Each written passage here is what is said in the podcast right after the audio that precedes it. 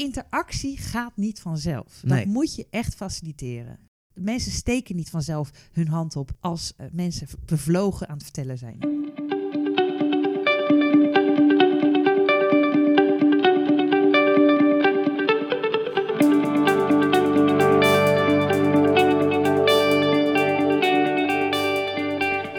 Leuk dat je luistert naar alweer aflevering 28 van de Strategie van de Kreeft podcast. De podcast over veranderen en bouwen aan echte vernieuwing. Mijn naam is Yusri Mandoer en vandaag ga ik in gesprek met Suzanne Vink, dagvoorzitter, facilitator en trainer van bijeenkomsten in de zakelijke omgeving. Suzanne, welkom in onze podcast. Ja, dankjewel Yusri. Ontzettend leuk eh, dat je me gevraagd hebt. Zeker, zeker vind ik ook. Suzanne, jij werkt al tien jaar als zelfstandige. Je opdrachtgevers bevinden zich in uiteenlopende branches zoals het sociaal domein, automotive, verzekeringsbranche, woningcorporatie, marketing en sales. Ja. De reden dat ik je graag voor deze podcast wil interviewen is dat jij met bewuste aandacht voor interactie klassieke rollen en patronen bij zakelijke bijeenkomsten wil doorbreken. En iedere deelnemer de gelegenheid weet te geven zijn of haar stem te laten horen. Ja. Nou, daar wil ik natuurlijk heel veel meer over horen. Ja. ja, ik vond het ook echt ontzettend leuk dat je mij eh, hiervoor vroeg. Ik luisterde al naar jouw podcast en eh, eh, dat zijn dan inderdaad hè, al die, die stories, die verhalen van ondernemers, eh, grote bedrijven die bezig zijn met veranderen. En jij kwam zo bij mij van, joh, zullen wij ook een podcast opnemen? En toen dacht ik ook van, oké, ja, even kijken, wat kan ik bijdragen? En toen dacht ik ook van, ja, grappig, ik ben heel erg bezig met veranderen. Juist, Maar dan niet in een organisatie, maar door middel van zakelijke bijeenkomsten. exact. En daar de verandering en vernieuwing doorvoeren. Precies. Ja, Ja. En leuk. wat eigenlijk, wat ik natuurlijk wel zie, is dat er heel veel bijeenkomsten worden georganiseerd. Ja. Met als doel, eh, zeker in deze tijd, we moeten naar een, een, een verandering. Het moet anders, we willen anders, we zitten in een transitie. Eh, ja, en dan soms dan denk ik wel, oeh, ik hoop dat het gaat lukken in deze bijeenkomst. Ja. Oh ja, nou dat is ja. dat is wel een En mooi bij sommige bijeenkomsten denk ik, yes, hier gaan mensen weg. Ja. En eh, die hebben er zin in. Ja. En, en Suzanne, ik hoorde je ooit zeggen dat je wars bent van monologen en vergaderingen. Waar komt dat precies vandaan? Ja. Voorheen eh, was ik actief ook in het bedrijfsleven. En daarin zag ik eh, ontzettend veel vergaderingen. En bij die vergaderingen ontdekte ik dan ook dat er één iemand aan het woord is. En er wordt een standaard agenda eh, afgewikkeld. En zodra die vergadering afgelopen was en we liepen naar buiten, hoorde je eigenlijk de meest interessante zaken op de gang besproken worden.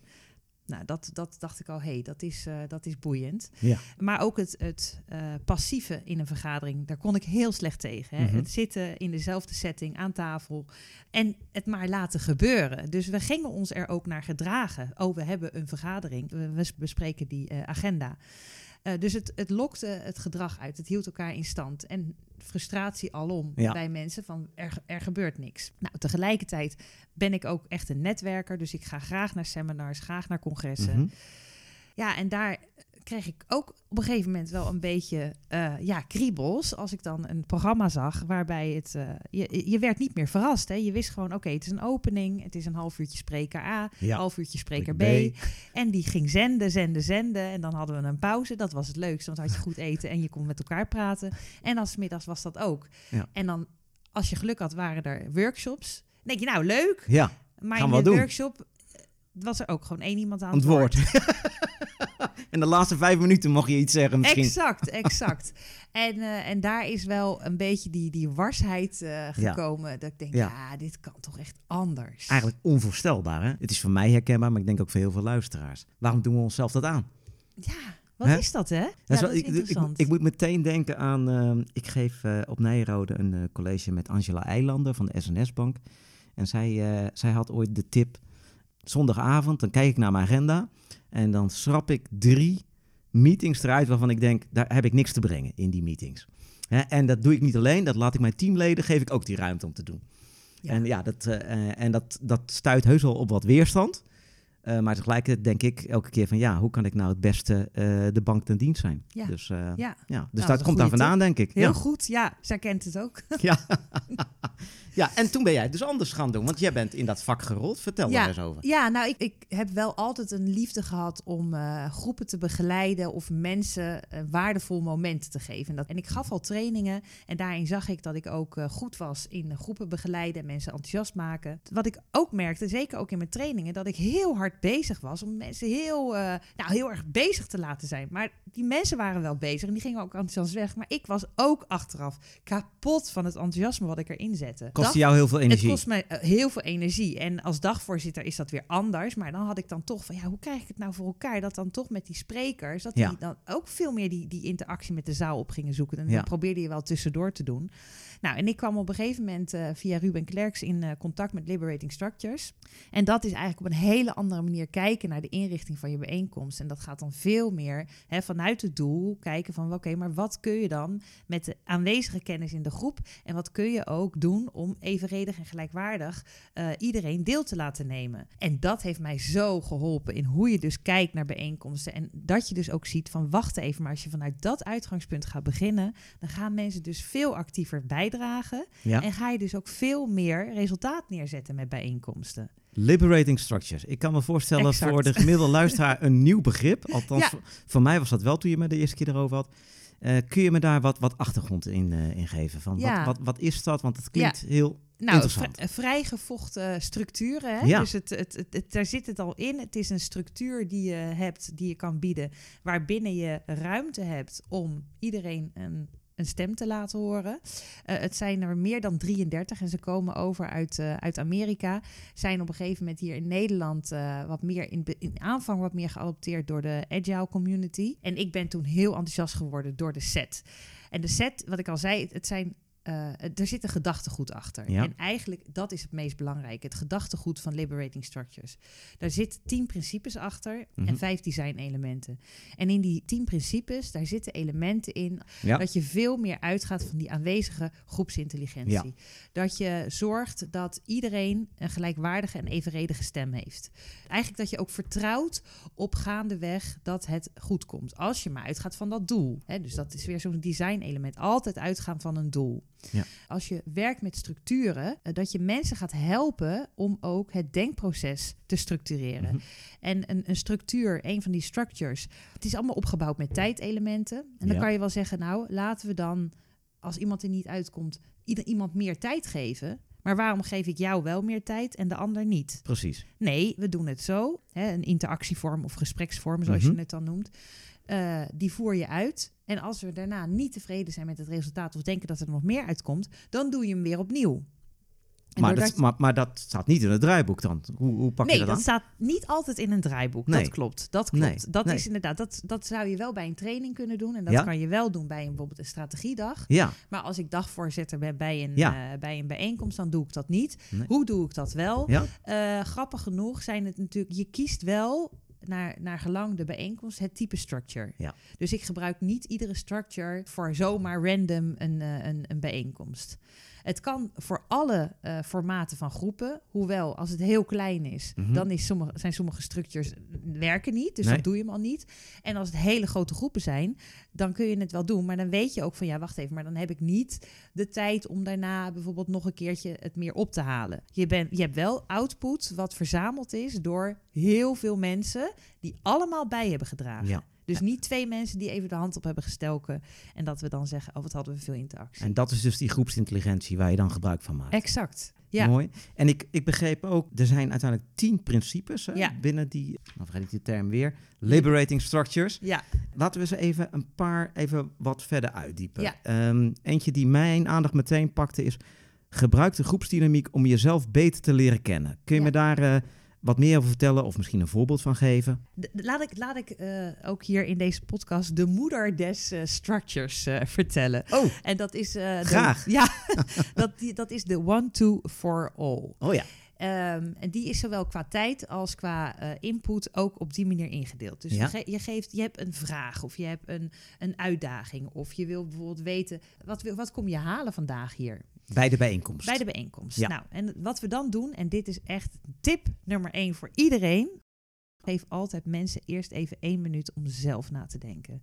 Dus slinger hem niet de zaal in of eh, leg hem niet gelijk voor op tafel. Nee, oké, denk eerst even één minuut na voordat we het gaan bespreken. Dus ik heb een, eh, de vraag van wat eh, kom je vandaag hier, hier halen? Nou, dat is awkward voor sommige mensen. Nou ja, als ik je daar meteen mag even onderbreken.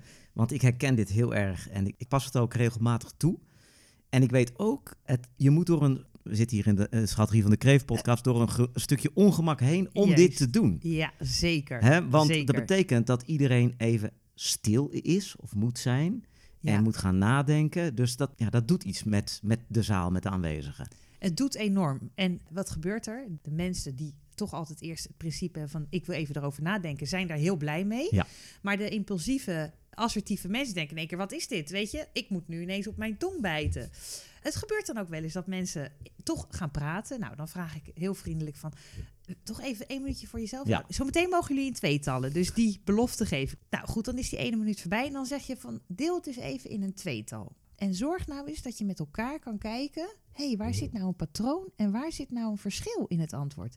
En daar ga je eigenlijk al jezelf beter leren kennen doordat je het gaat delen. Ten eerste omdat je het uitspreekt. Dus dan denk je, oh, ik had er net over, over bedacht. En nu spreek ik het uit naar degene die naast me zit. Eigenlijk bedoel ik het zo. Of, oh, wat grappig. Ik hoor mijn buurvrouw dit zeggen. Ja, zo had ik er nog niet naar gekeken. En neem je die vraag altijd mee dat je zegt van... als je het met elkaar deelt, kijk waar de overeenkomst zit en waar de verschillen? Afhankelijk van het, de, de startvraag. Ja. Dan hebben mensen het in een tweetal verteld, twee minuten. Eh, en dan zeg ik van, kijk nou eens even om je heen bij een ander tweetal. Ga daar naartoe en deel jullie antwoorden met het andere tweetal. En jullie zijn met z'n vieren. En dan moeten mensen gaan staan, denk ik. Of, of Meestal niet? moeten ze ja. gaan staan. Ja. Ja, ja. Dus dat doet ook alweer wat. Dat doet wat met de zaal. Ja. En dan krijg je de, de chaos binnen de structuur. Ja, Dus dat is al, hè, en veel geluid. Dus Ja. mensen gaan focussen op elkaar, eh, luisteren. Eh, het is een hele goede voor te netwerken. Want ja, als je meestal degene die naast je zit, ken je dan al een beetje. Maar een ander tweetal, dan moet je al naar vreemden. Ja. Nou, goede ijsbreker. En dan krijgen mensen vier minuten de tijd om te delen van, nou, waar ik ze toe uitgenodigd heb. Oh, dus het is ook 1, 2, 4 is ook in minuten. Ook nog eens een keer. Ja, Ja, oké. En daarna doen we all. En die all die kan variaties zijn. Eh, als het een hele grote groep is, dan zeg je, nou, ik wil toch even horen van, van een paar viertallen. eh, wat heb je nou eh, als overeenkomst of verschil eh, gehoord? Of wat hebben jullie nou als gemene deler eruit gehaald? Of je houdt bij de all van, oké, jullie hebben nu allemaal dit met elkaar besproken. Zet zo meteen op dat bord als jullie de zaal verlaten wat jullie als viertal hadden. Of waar ik hem heel vaak voor inzet, als we vragen uit de zaal willen verzamelen, Ja. dan zeg ik, ik wil van ieder viertal die ene vraag Oh ja. die je voor de spreker had op een kaartje en die krijg ik dan. En ik krijg dan, nou pak een beet, eh, laten we zeggen, stel er zitten 40 mensen in de zaal, nou dan krijg ik 10 vragen. Ja, En dan kan ik dus ook in die vragen kijken, hé hey, wacht even, er worden toch wel drie dezelfde vragen, vragen gesteld. gesteld. Ja. Dus die categoriseer ik. Dat zou je anders nooit weten. Nee.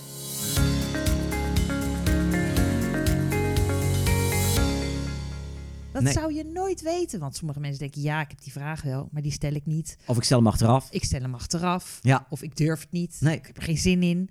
Of eh, wie ben ik om die vraag te stellen? Ja. Terwijl in zo'n klein groepje eh, wil- willen mensen dat wel stellen. En hoe reageren die sprekers hierop? Wisselend. Ja? Ja. Stel.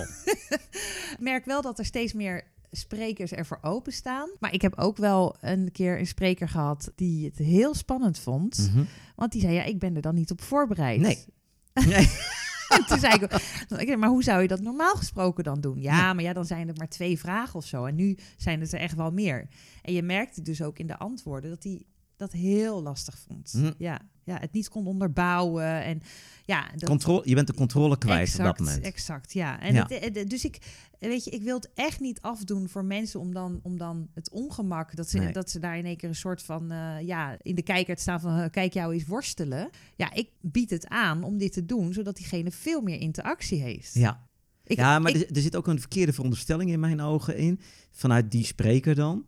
Dat hij of zij overal een, een passend antwoord op zou moeten hebben. En dat is maar de vraag. Zeker, zeker. Dat is heel leuk dat je dat nu noemt. Want Ja. ik geef het ook wel eens mee in de voorbespreking met sprekers. Ik zeg, als je het antwoord niet weet, siert je dat toch Ja. juist? Juist. Ja, en desnoods leg je het in de zaal weer terug. Van goh, ik heb deze vraag van één groepje gegeven. Wie weet dat wel? Of daar kom ik later op terug. Ja. Want ik heb wel een keer meegemaakt, Yusri, en dat vind ik eigenlijk ook wel mooi.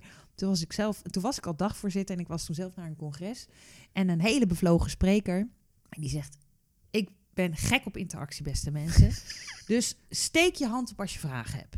Dus die ging zijn verhaal vertellen. Nou, een hele ervaren spreker met flitsende beelden, eh, foto's achter je op die uh, PowerPoint. En uh, na 25 minuten was hij klaar. En hij had nog uh, 10 minuten. Hij zei, nou, kijk, wie heeft er een vraag? Mm -hmm. Geen handen. Nou, mooi. Dan is mijn verhaal dus duidelijk geweest. Beste mensen, dank jullie wel. Ik kan, kan naar huis. Ik kan naar huis. Nou, ten eerste, aanname 1. De interactie komt uit de zaal. Mm -hmm. Doet, hè, daar hoef ik niks voor te doen. Een aanname hoor ik in zijn verhaal. Ja. Aanname 2. Oh, er zijn geen vragen, dus mijn verhaal is duidelijk. Duidelijk. Interactie gaat niet vanzelf. Nee. Dat moet je echt faciliteren. Goeie. Mensen steken niet vanzelf hun hand op als uh, mensen bevlogen aan het vertellen zijn. Nee. En, en dan is zo'n one-to-for-all een methodiek daarvoor. Ja. Maar je hebt daar vast ook andere methoden voor om die interactie wel boven te Zeker, krijgen. zeker. Ja. Wat sowieso uh, wat ik ook opdrachtgevers mee wil geven als ze een, een, een congres uh, organiseren. Nou, wat is jullie doel? Wat willen jullie graag? Ja. Wat je natuurlijk vaak ziet is dat het over een, een andere doelgroep gaat. Uh, dus dan vraag ik ook, is die doelgroep ook aanwezig? Ja, een hele goede lijkt mij. Ja. Nou, dat is soms wel, soms niet. Kan je bijvoorbeeld voorstellen van zullen we die doelgroep ook uitnodigen Mhm. en dat we dan in een uh, klant, een soort klantenpanel Ja. uh, het gesprek gaan voeren over dit. Dus je- Tijdens het evenement, niet van Exact. tevoren, op dat moment. Juist, Ja. ja. Wat er dan gebeurt is, dan is het niet zozeer dat de zaal meteen die interactie heeft, maar wat er wel gebeurt is dat we veel meer verschillende inzichten verzamelen. Ja, En daarna kan je dan natuurlijk wel weer bijvoorbeeld een one-to-for-all doen. Maar wat er wel gebeurt nu, is dat je veel meer gebruik maakt ook van gelijkwaardige inbreng. Dus niet alleen over, maar ook met praten. Nou, dat is de UX Fishbowl. Het gaat over user experience. eh, en dan in, de, in een cirkel, in een fishbowl, waarbij mensen eromheen kijken, wordt veel gebruikt in de zorg. Hè, tussen eh, bijvoorbeeld patiëntenraad, cliëntenraad en, eh, en eh, specialisten. Ja. Maar ja, ik heb hem ook toegepast in het techniekonderwijs, waarbij we dus eh, eh, leerlingen uit het MBO techniek in gesprek lieten gaan met bedrijven en docenten eh, over meer stageplaatsen. En hoe vinden die leerlingen of die patiënten dat? Ja, er wordt naar hen gekeken ook, Ja, hè? weet ik niet. Ja? Eh, maar wat ik toen ervaarde, is dat ze het heel leuk vonden. En ik heb het onlangs ook ergens anders gedaan. Hebben we een iets andere versie gedaan, omdat het niet paste op, op het podium. Oh ja. Dat is ja. trouwens een hele leuke voor zo nou meteen. Want het is dus, ruimte is echt belangrijk om ook zo'n structure te laten slagen. Oké. Eh, dus toen hadden we het opgeknipt. Als je mensen in een cirkel met elkaar laat praten, Ja. dan zijn we op een gegeven moment helemaal niet meer bewust van al die mensen om ons heen. Oh ja. Terwijl als je Mooi. gaat kijken soms bij het panelgesprek in een traditionele setting, dan zitten we op een rij naast Oh ja. elkaar. Dus ik wijs nu ook Ja, eventjes. eh, ja, ja. Hè, dan zitten we hier met drie stoelen naast elkaar. We kijken recht de zaal in. Doodeng. Doodeng! Ja. En dan zeggen mensen ook, ja, maar anders zitten ze naar de rug te kijken. Ja, naar één iemand zit je naar de rug te kijken, maar de andere mensen zie je wel. ja. Dat is het doorbreken van die patronen dan. Exact, Ja. exact. Want het mooie is dat het gesprek op dat podium in die cirkel veel... Waardevoller. Exact, Ja. ja. Ruimte, zeg je? Want dat is Ruimte is ja. zo belangrijk. Vertel. Ja. Nou, de wa- one to for all. Je zegt het, je voelt Ja, het al, hè? ja, dus op. mensen moeten gaan staan. Ja. Ja, ik vind theater. Die, hebben een, die heeft een magie aan dynamiek. Hè? Mhm. dat, de- ook als je een, zaal, een, een theaterzaal binnenkomt Ja. en die fluwelen stoelen en Precies. die donkere, dikke gordijnen. Maar als ik een bijeenkomst wil doen met bijvoorbeeld veel one to for all of Ja, ehm, een Dat is lastig dan. dan is dat weer lastig. Ja. Dus ik ben altijd benieuwd, wat is de setting van de zaal? Wat kunnen we doen met de stoelen? Nou, dan ga je variaties toepassen. Dus dan zeg je ook van, nou goed, weet je, dan doe ik een one-to-all. Dan ga je daar naar kijken. Want dan is het, dan, die chaos kun je dan niet creëren, omdat je gewoon de ruimte niet hebt. Exact, ja, Ja. Dan heb ik de ruimte er niet voor. Nee. Nou, ik heb eh, onlangs eh, een van mijn favoriete eh, structures is ook de impromptu networking. Oh, die moet je dan ook nog En even de impromptu networking is een effectieve, korte interactievorm waarbij je heel snel mensen met elkaar laat netwerken en ook verwachtingen laat wi- uitwisselen. Mhm. En dat is in drie rondes Ja. van drie minuten in tweetallen antwoord op de vraag geven.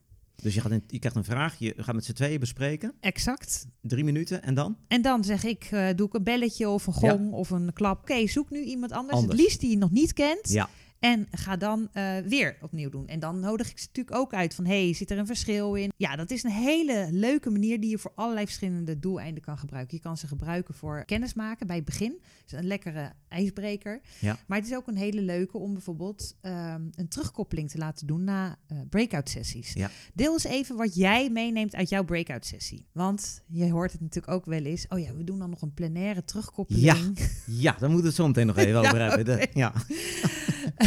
Dus, nou, en eh, ik had dus een, een congres eh, gehad. En toen hadden we ook, eh, en dat was in een fabriek. Dus, Ja. je ziet nu veel fabrieken die worden omgebouwd tot eventlocatie. En de zaal waar we eigenlijk alle plenaire sessies deden, nou, die lieten we voor wat het was. We lieten eigenlijk iedereen na de breakout sessies naar de zaal komen, waar we ook de koffie hadden staan en de broodjes en de, nou, de lekkernijen. Nou, wat gebeurde er na die interactie? En ik dacht ook, nou, daar kom ik overheen. Dus al die mensen komen lekker naar die zaal. Het is een leuke zaal, een leuke ruimte met Ja. leuke staantafels. Geen stoelen. Van, nou, ze komen en dan nodig ik ze uit om de impromptu networking te doen. Ja. Nou, ik heb ze, ja, ik heb ze in een tweetal gekregen. één ronde. Maar daarna, ik kwam er niet overheen met de akoestiek. Oh En ja. Mensen zeiden, ja, die, ja, maar ik ben gewoon leuk aan het praten Ja, nu, weet zoek je. het maar uit met je... Met je maar even uit. En dan, dan is echt, oké, build trust as you go. Oh ja, het doel was netwerken. Dat was het. En Oh ja. ga er, ga, vertrouw erop dat mensen met elkaar uitwisselen wat ze hebben gehoord. En doen ze het niet...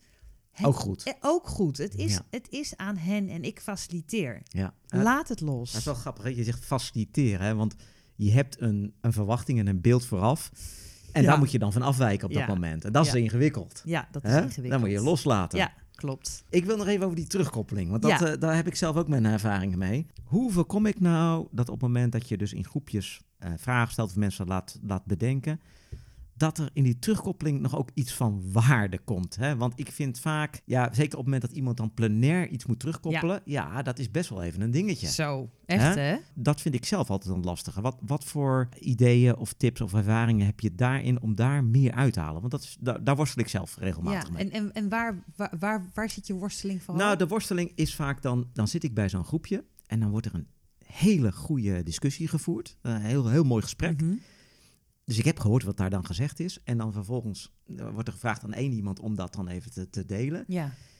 En dan komt er toch een slap aftreksel van wat er Oh, gesproken zonde, is. Dat je echt denkt van, oh, als ik hier het woord had gehad, maar dat wil ik dan niet, want ik Ja. wil niet altijd het woord hebben. Ja. Eh, dus da- daar zit wel eens mijn worsteling van, Ja. hoe doe je dat? Ja. En dat is een moeilijke vraag, dat, snap ik nou, hoor. ja, ik, het leuke is, onder dagvoorzitters hebben wij het hier heel vaak over. Ja. Want waarom doe je een plenaire terugkoppeling? Juist. Weet je, het is ook een soort FOMO creëren van... Ja. oh, maar dat groepje had een veel interessantere discussie. Daar ben ik niet bij geweest. Ja. Hè? Dus waarom doe je dan die terugkoppeling? Dus Ja. wat is het doel van die terugkoppeling? Nou, daarin zeggen wij dus ook... als je een terugkoppeling laat komen... Mhm. moet die wel ergens toe dienen. Dus Ja. is dat dan misschien dat de terugkoppeling, de output van die discussie in die kleine groepjes, gebruik je die output om bijvoorbeeld weer een vervolggesprek met een paar experts te gaan doen? Juist. Of eh, we hebben, nou, laten we zeggen, twaalf groepen. Zijn het twaalf actiepunten die we volgend jaar op gaan pakken? Dus iedere groep moest een actiepunt uiteindelijk eruit halen. En nou, misschien zijn het er dan twaalf of het tien geworden, omdat twee dezelfde zijn. Dat zou zomaar kunnen. Wat is het doel van die terugkoppeling? Ja. En dat geef je eigenlijk al op voorhand mee aan die groepjes. Ja, en vaak in alle eerlijkheid is er geen doel. Het is alleen maar het doel, we gaan even ons plasje doen. Van wij hebben de opdracht, wij hebben ons ook aan de opdracht gehouden. En we gaan wat terugkoppelen. Ja, en dan mag de rest klappen. Ja, exact. Dan mag Ja. de rest klappen. Ja. En eh, vaak wordt er dan geklapt voor de manier waarop iemand het heeft gedaan dan voor de inhoud. Ja, En, en daar betrap ik mezelf ook wel eens op hoor. Dat ik dan heel enthousiast Ja. word hoe bevlogen iemand dat dan staat te doen. Terwijl Ja. iemand anders eigenlijk misschien betere inhoud had.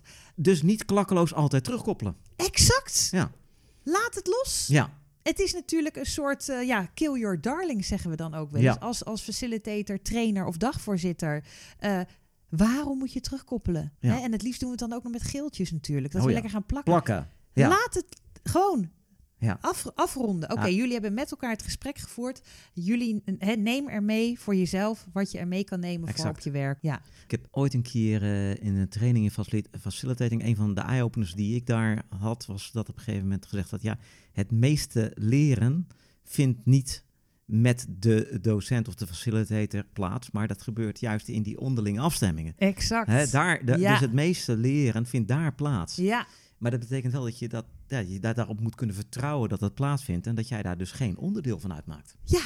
Dat is grappig, hè? Dat Ja. je er dus geen onderdeel Ja. van uitmaakt. Dus ook niet rond gaat lopen Nee. en dan meeluisteren. Nee. Want maar ik heb het ook wel eens gehad dat ik eh, een, eh, een breakout eh, sessie leidde. En daar was dan ook docent bij. En die zei: Ik doe dit echt niet bij mij op de universiteit. Want die studenten gaan het dan ergens anders over hebben. Nou ja, ik zeg dus: we zijn volwassen mensen. Ja, Hè? En het is dus ook welke, welke uitnodiging doe je om Ja. het gesprek te laten voeren. Mhm.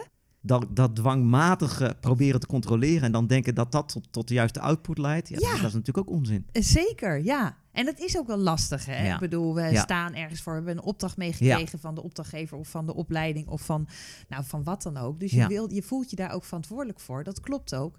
Maar daar zit natuurlijk heel veel voor ook. Dus wat geef je de mensen mee en welk vertrouwen en welke ruimte geef je ze ook om, om zaken te delen? Ja, maar dat was een van die andere principes hè, die Ja. je zei. Hè? Bouw vertrouwen op terwijl je bezig bent. Ja, dat klopt. is precies waar we het nu over hebben. Ex, ex- precies, precies wat, je, wat, wat ik bedoel. Ja. Ja. En daarin, wat, ik, wat mij daarin ook heeft geholpen, is bijvoorbeeld die leerpyramide van nou, Bills of Bales. Maar daar zie je dus ook dat als mensen aan het luisteren zijn en aanhoren of zien, dat er nou maximaal 20% blijft hangen. Terwijl als mensen in groepjes erover gaan praten, Praten, het zelf actief doen, dus gaan bewegen en vervolgens het nog gaan navertellen aan een ander, blijft er veel meer hangen, tot Ja. 70 tot 80 procent van datgene wat je met elkaar bespreekt. Juist. En dat zien we nu ook, dat ze natuurlijk in, in het basisonderwijs zijn ze ook aan het stimuleren om kinderen veel meer bewegend te laten leren. Mooi. Ja. Ja. En dat heeft mij ook geholpen bij, zo'n, bij, zo'n, bij die leerpyramide. Ik denk, ja, weet je, build trust as you go. Ze zijn al met elkaar in gesprek. Het komt er wel.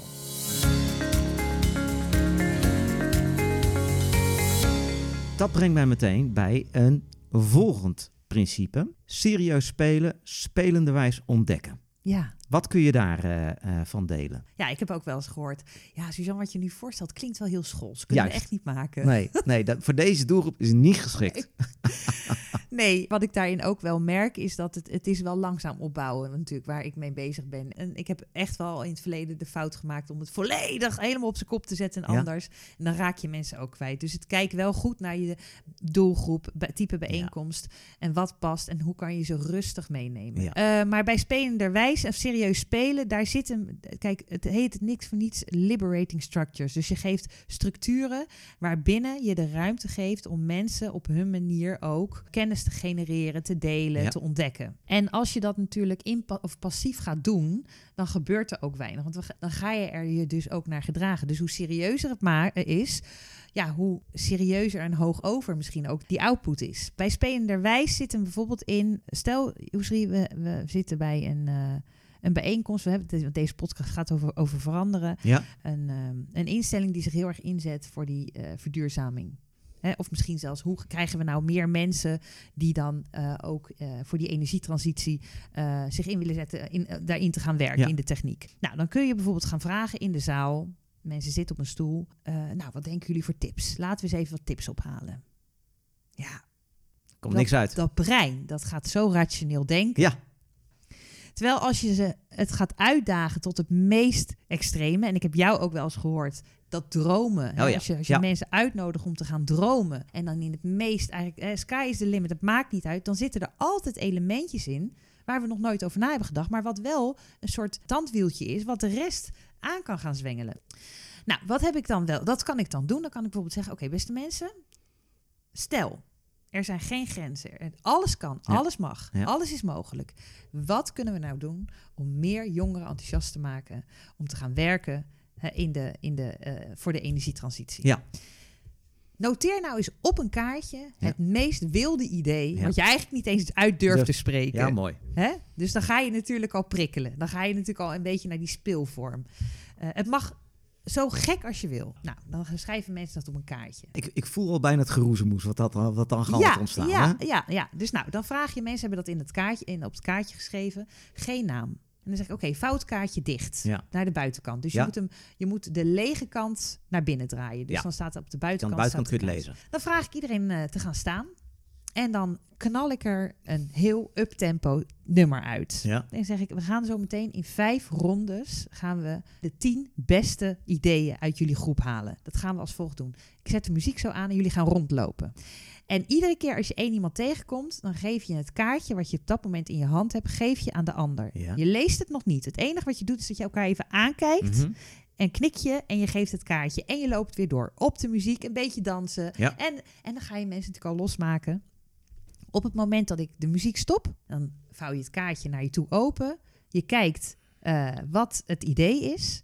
Je draait het kaartje om en je geeft een punt van 1 tot en met 5. Oké. 1 is echt bleh, Bedroevend. saai, bedroevend. bleh, hebben we al zo vaak geprobeerd. En 5 is echt, ja, wauw. Weet je, hier gaan, we, hier gaan we de wereld mee veranderen.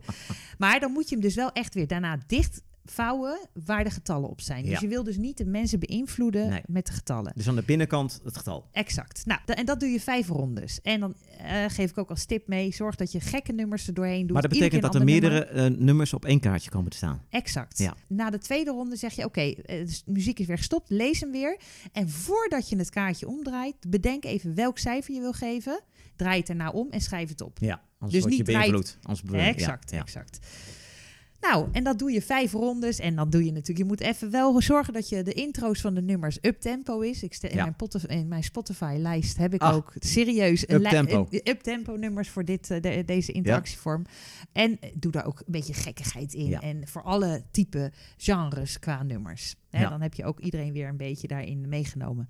Nou, en na vijf rondes, dan tellen mensen de aantallen op. En dan pak je eigenlijk de 10 hoogst scorende. Ja. En deze vorm heet dus ook de 25-10 crowdsourcing. Dus oftewel, je gaat aftellen van 25. Ja.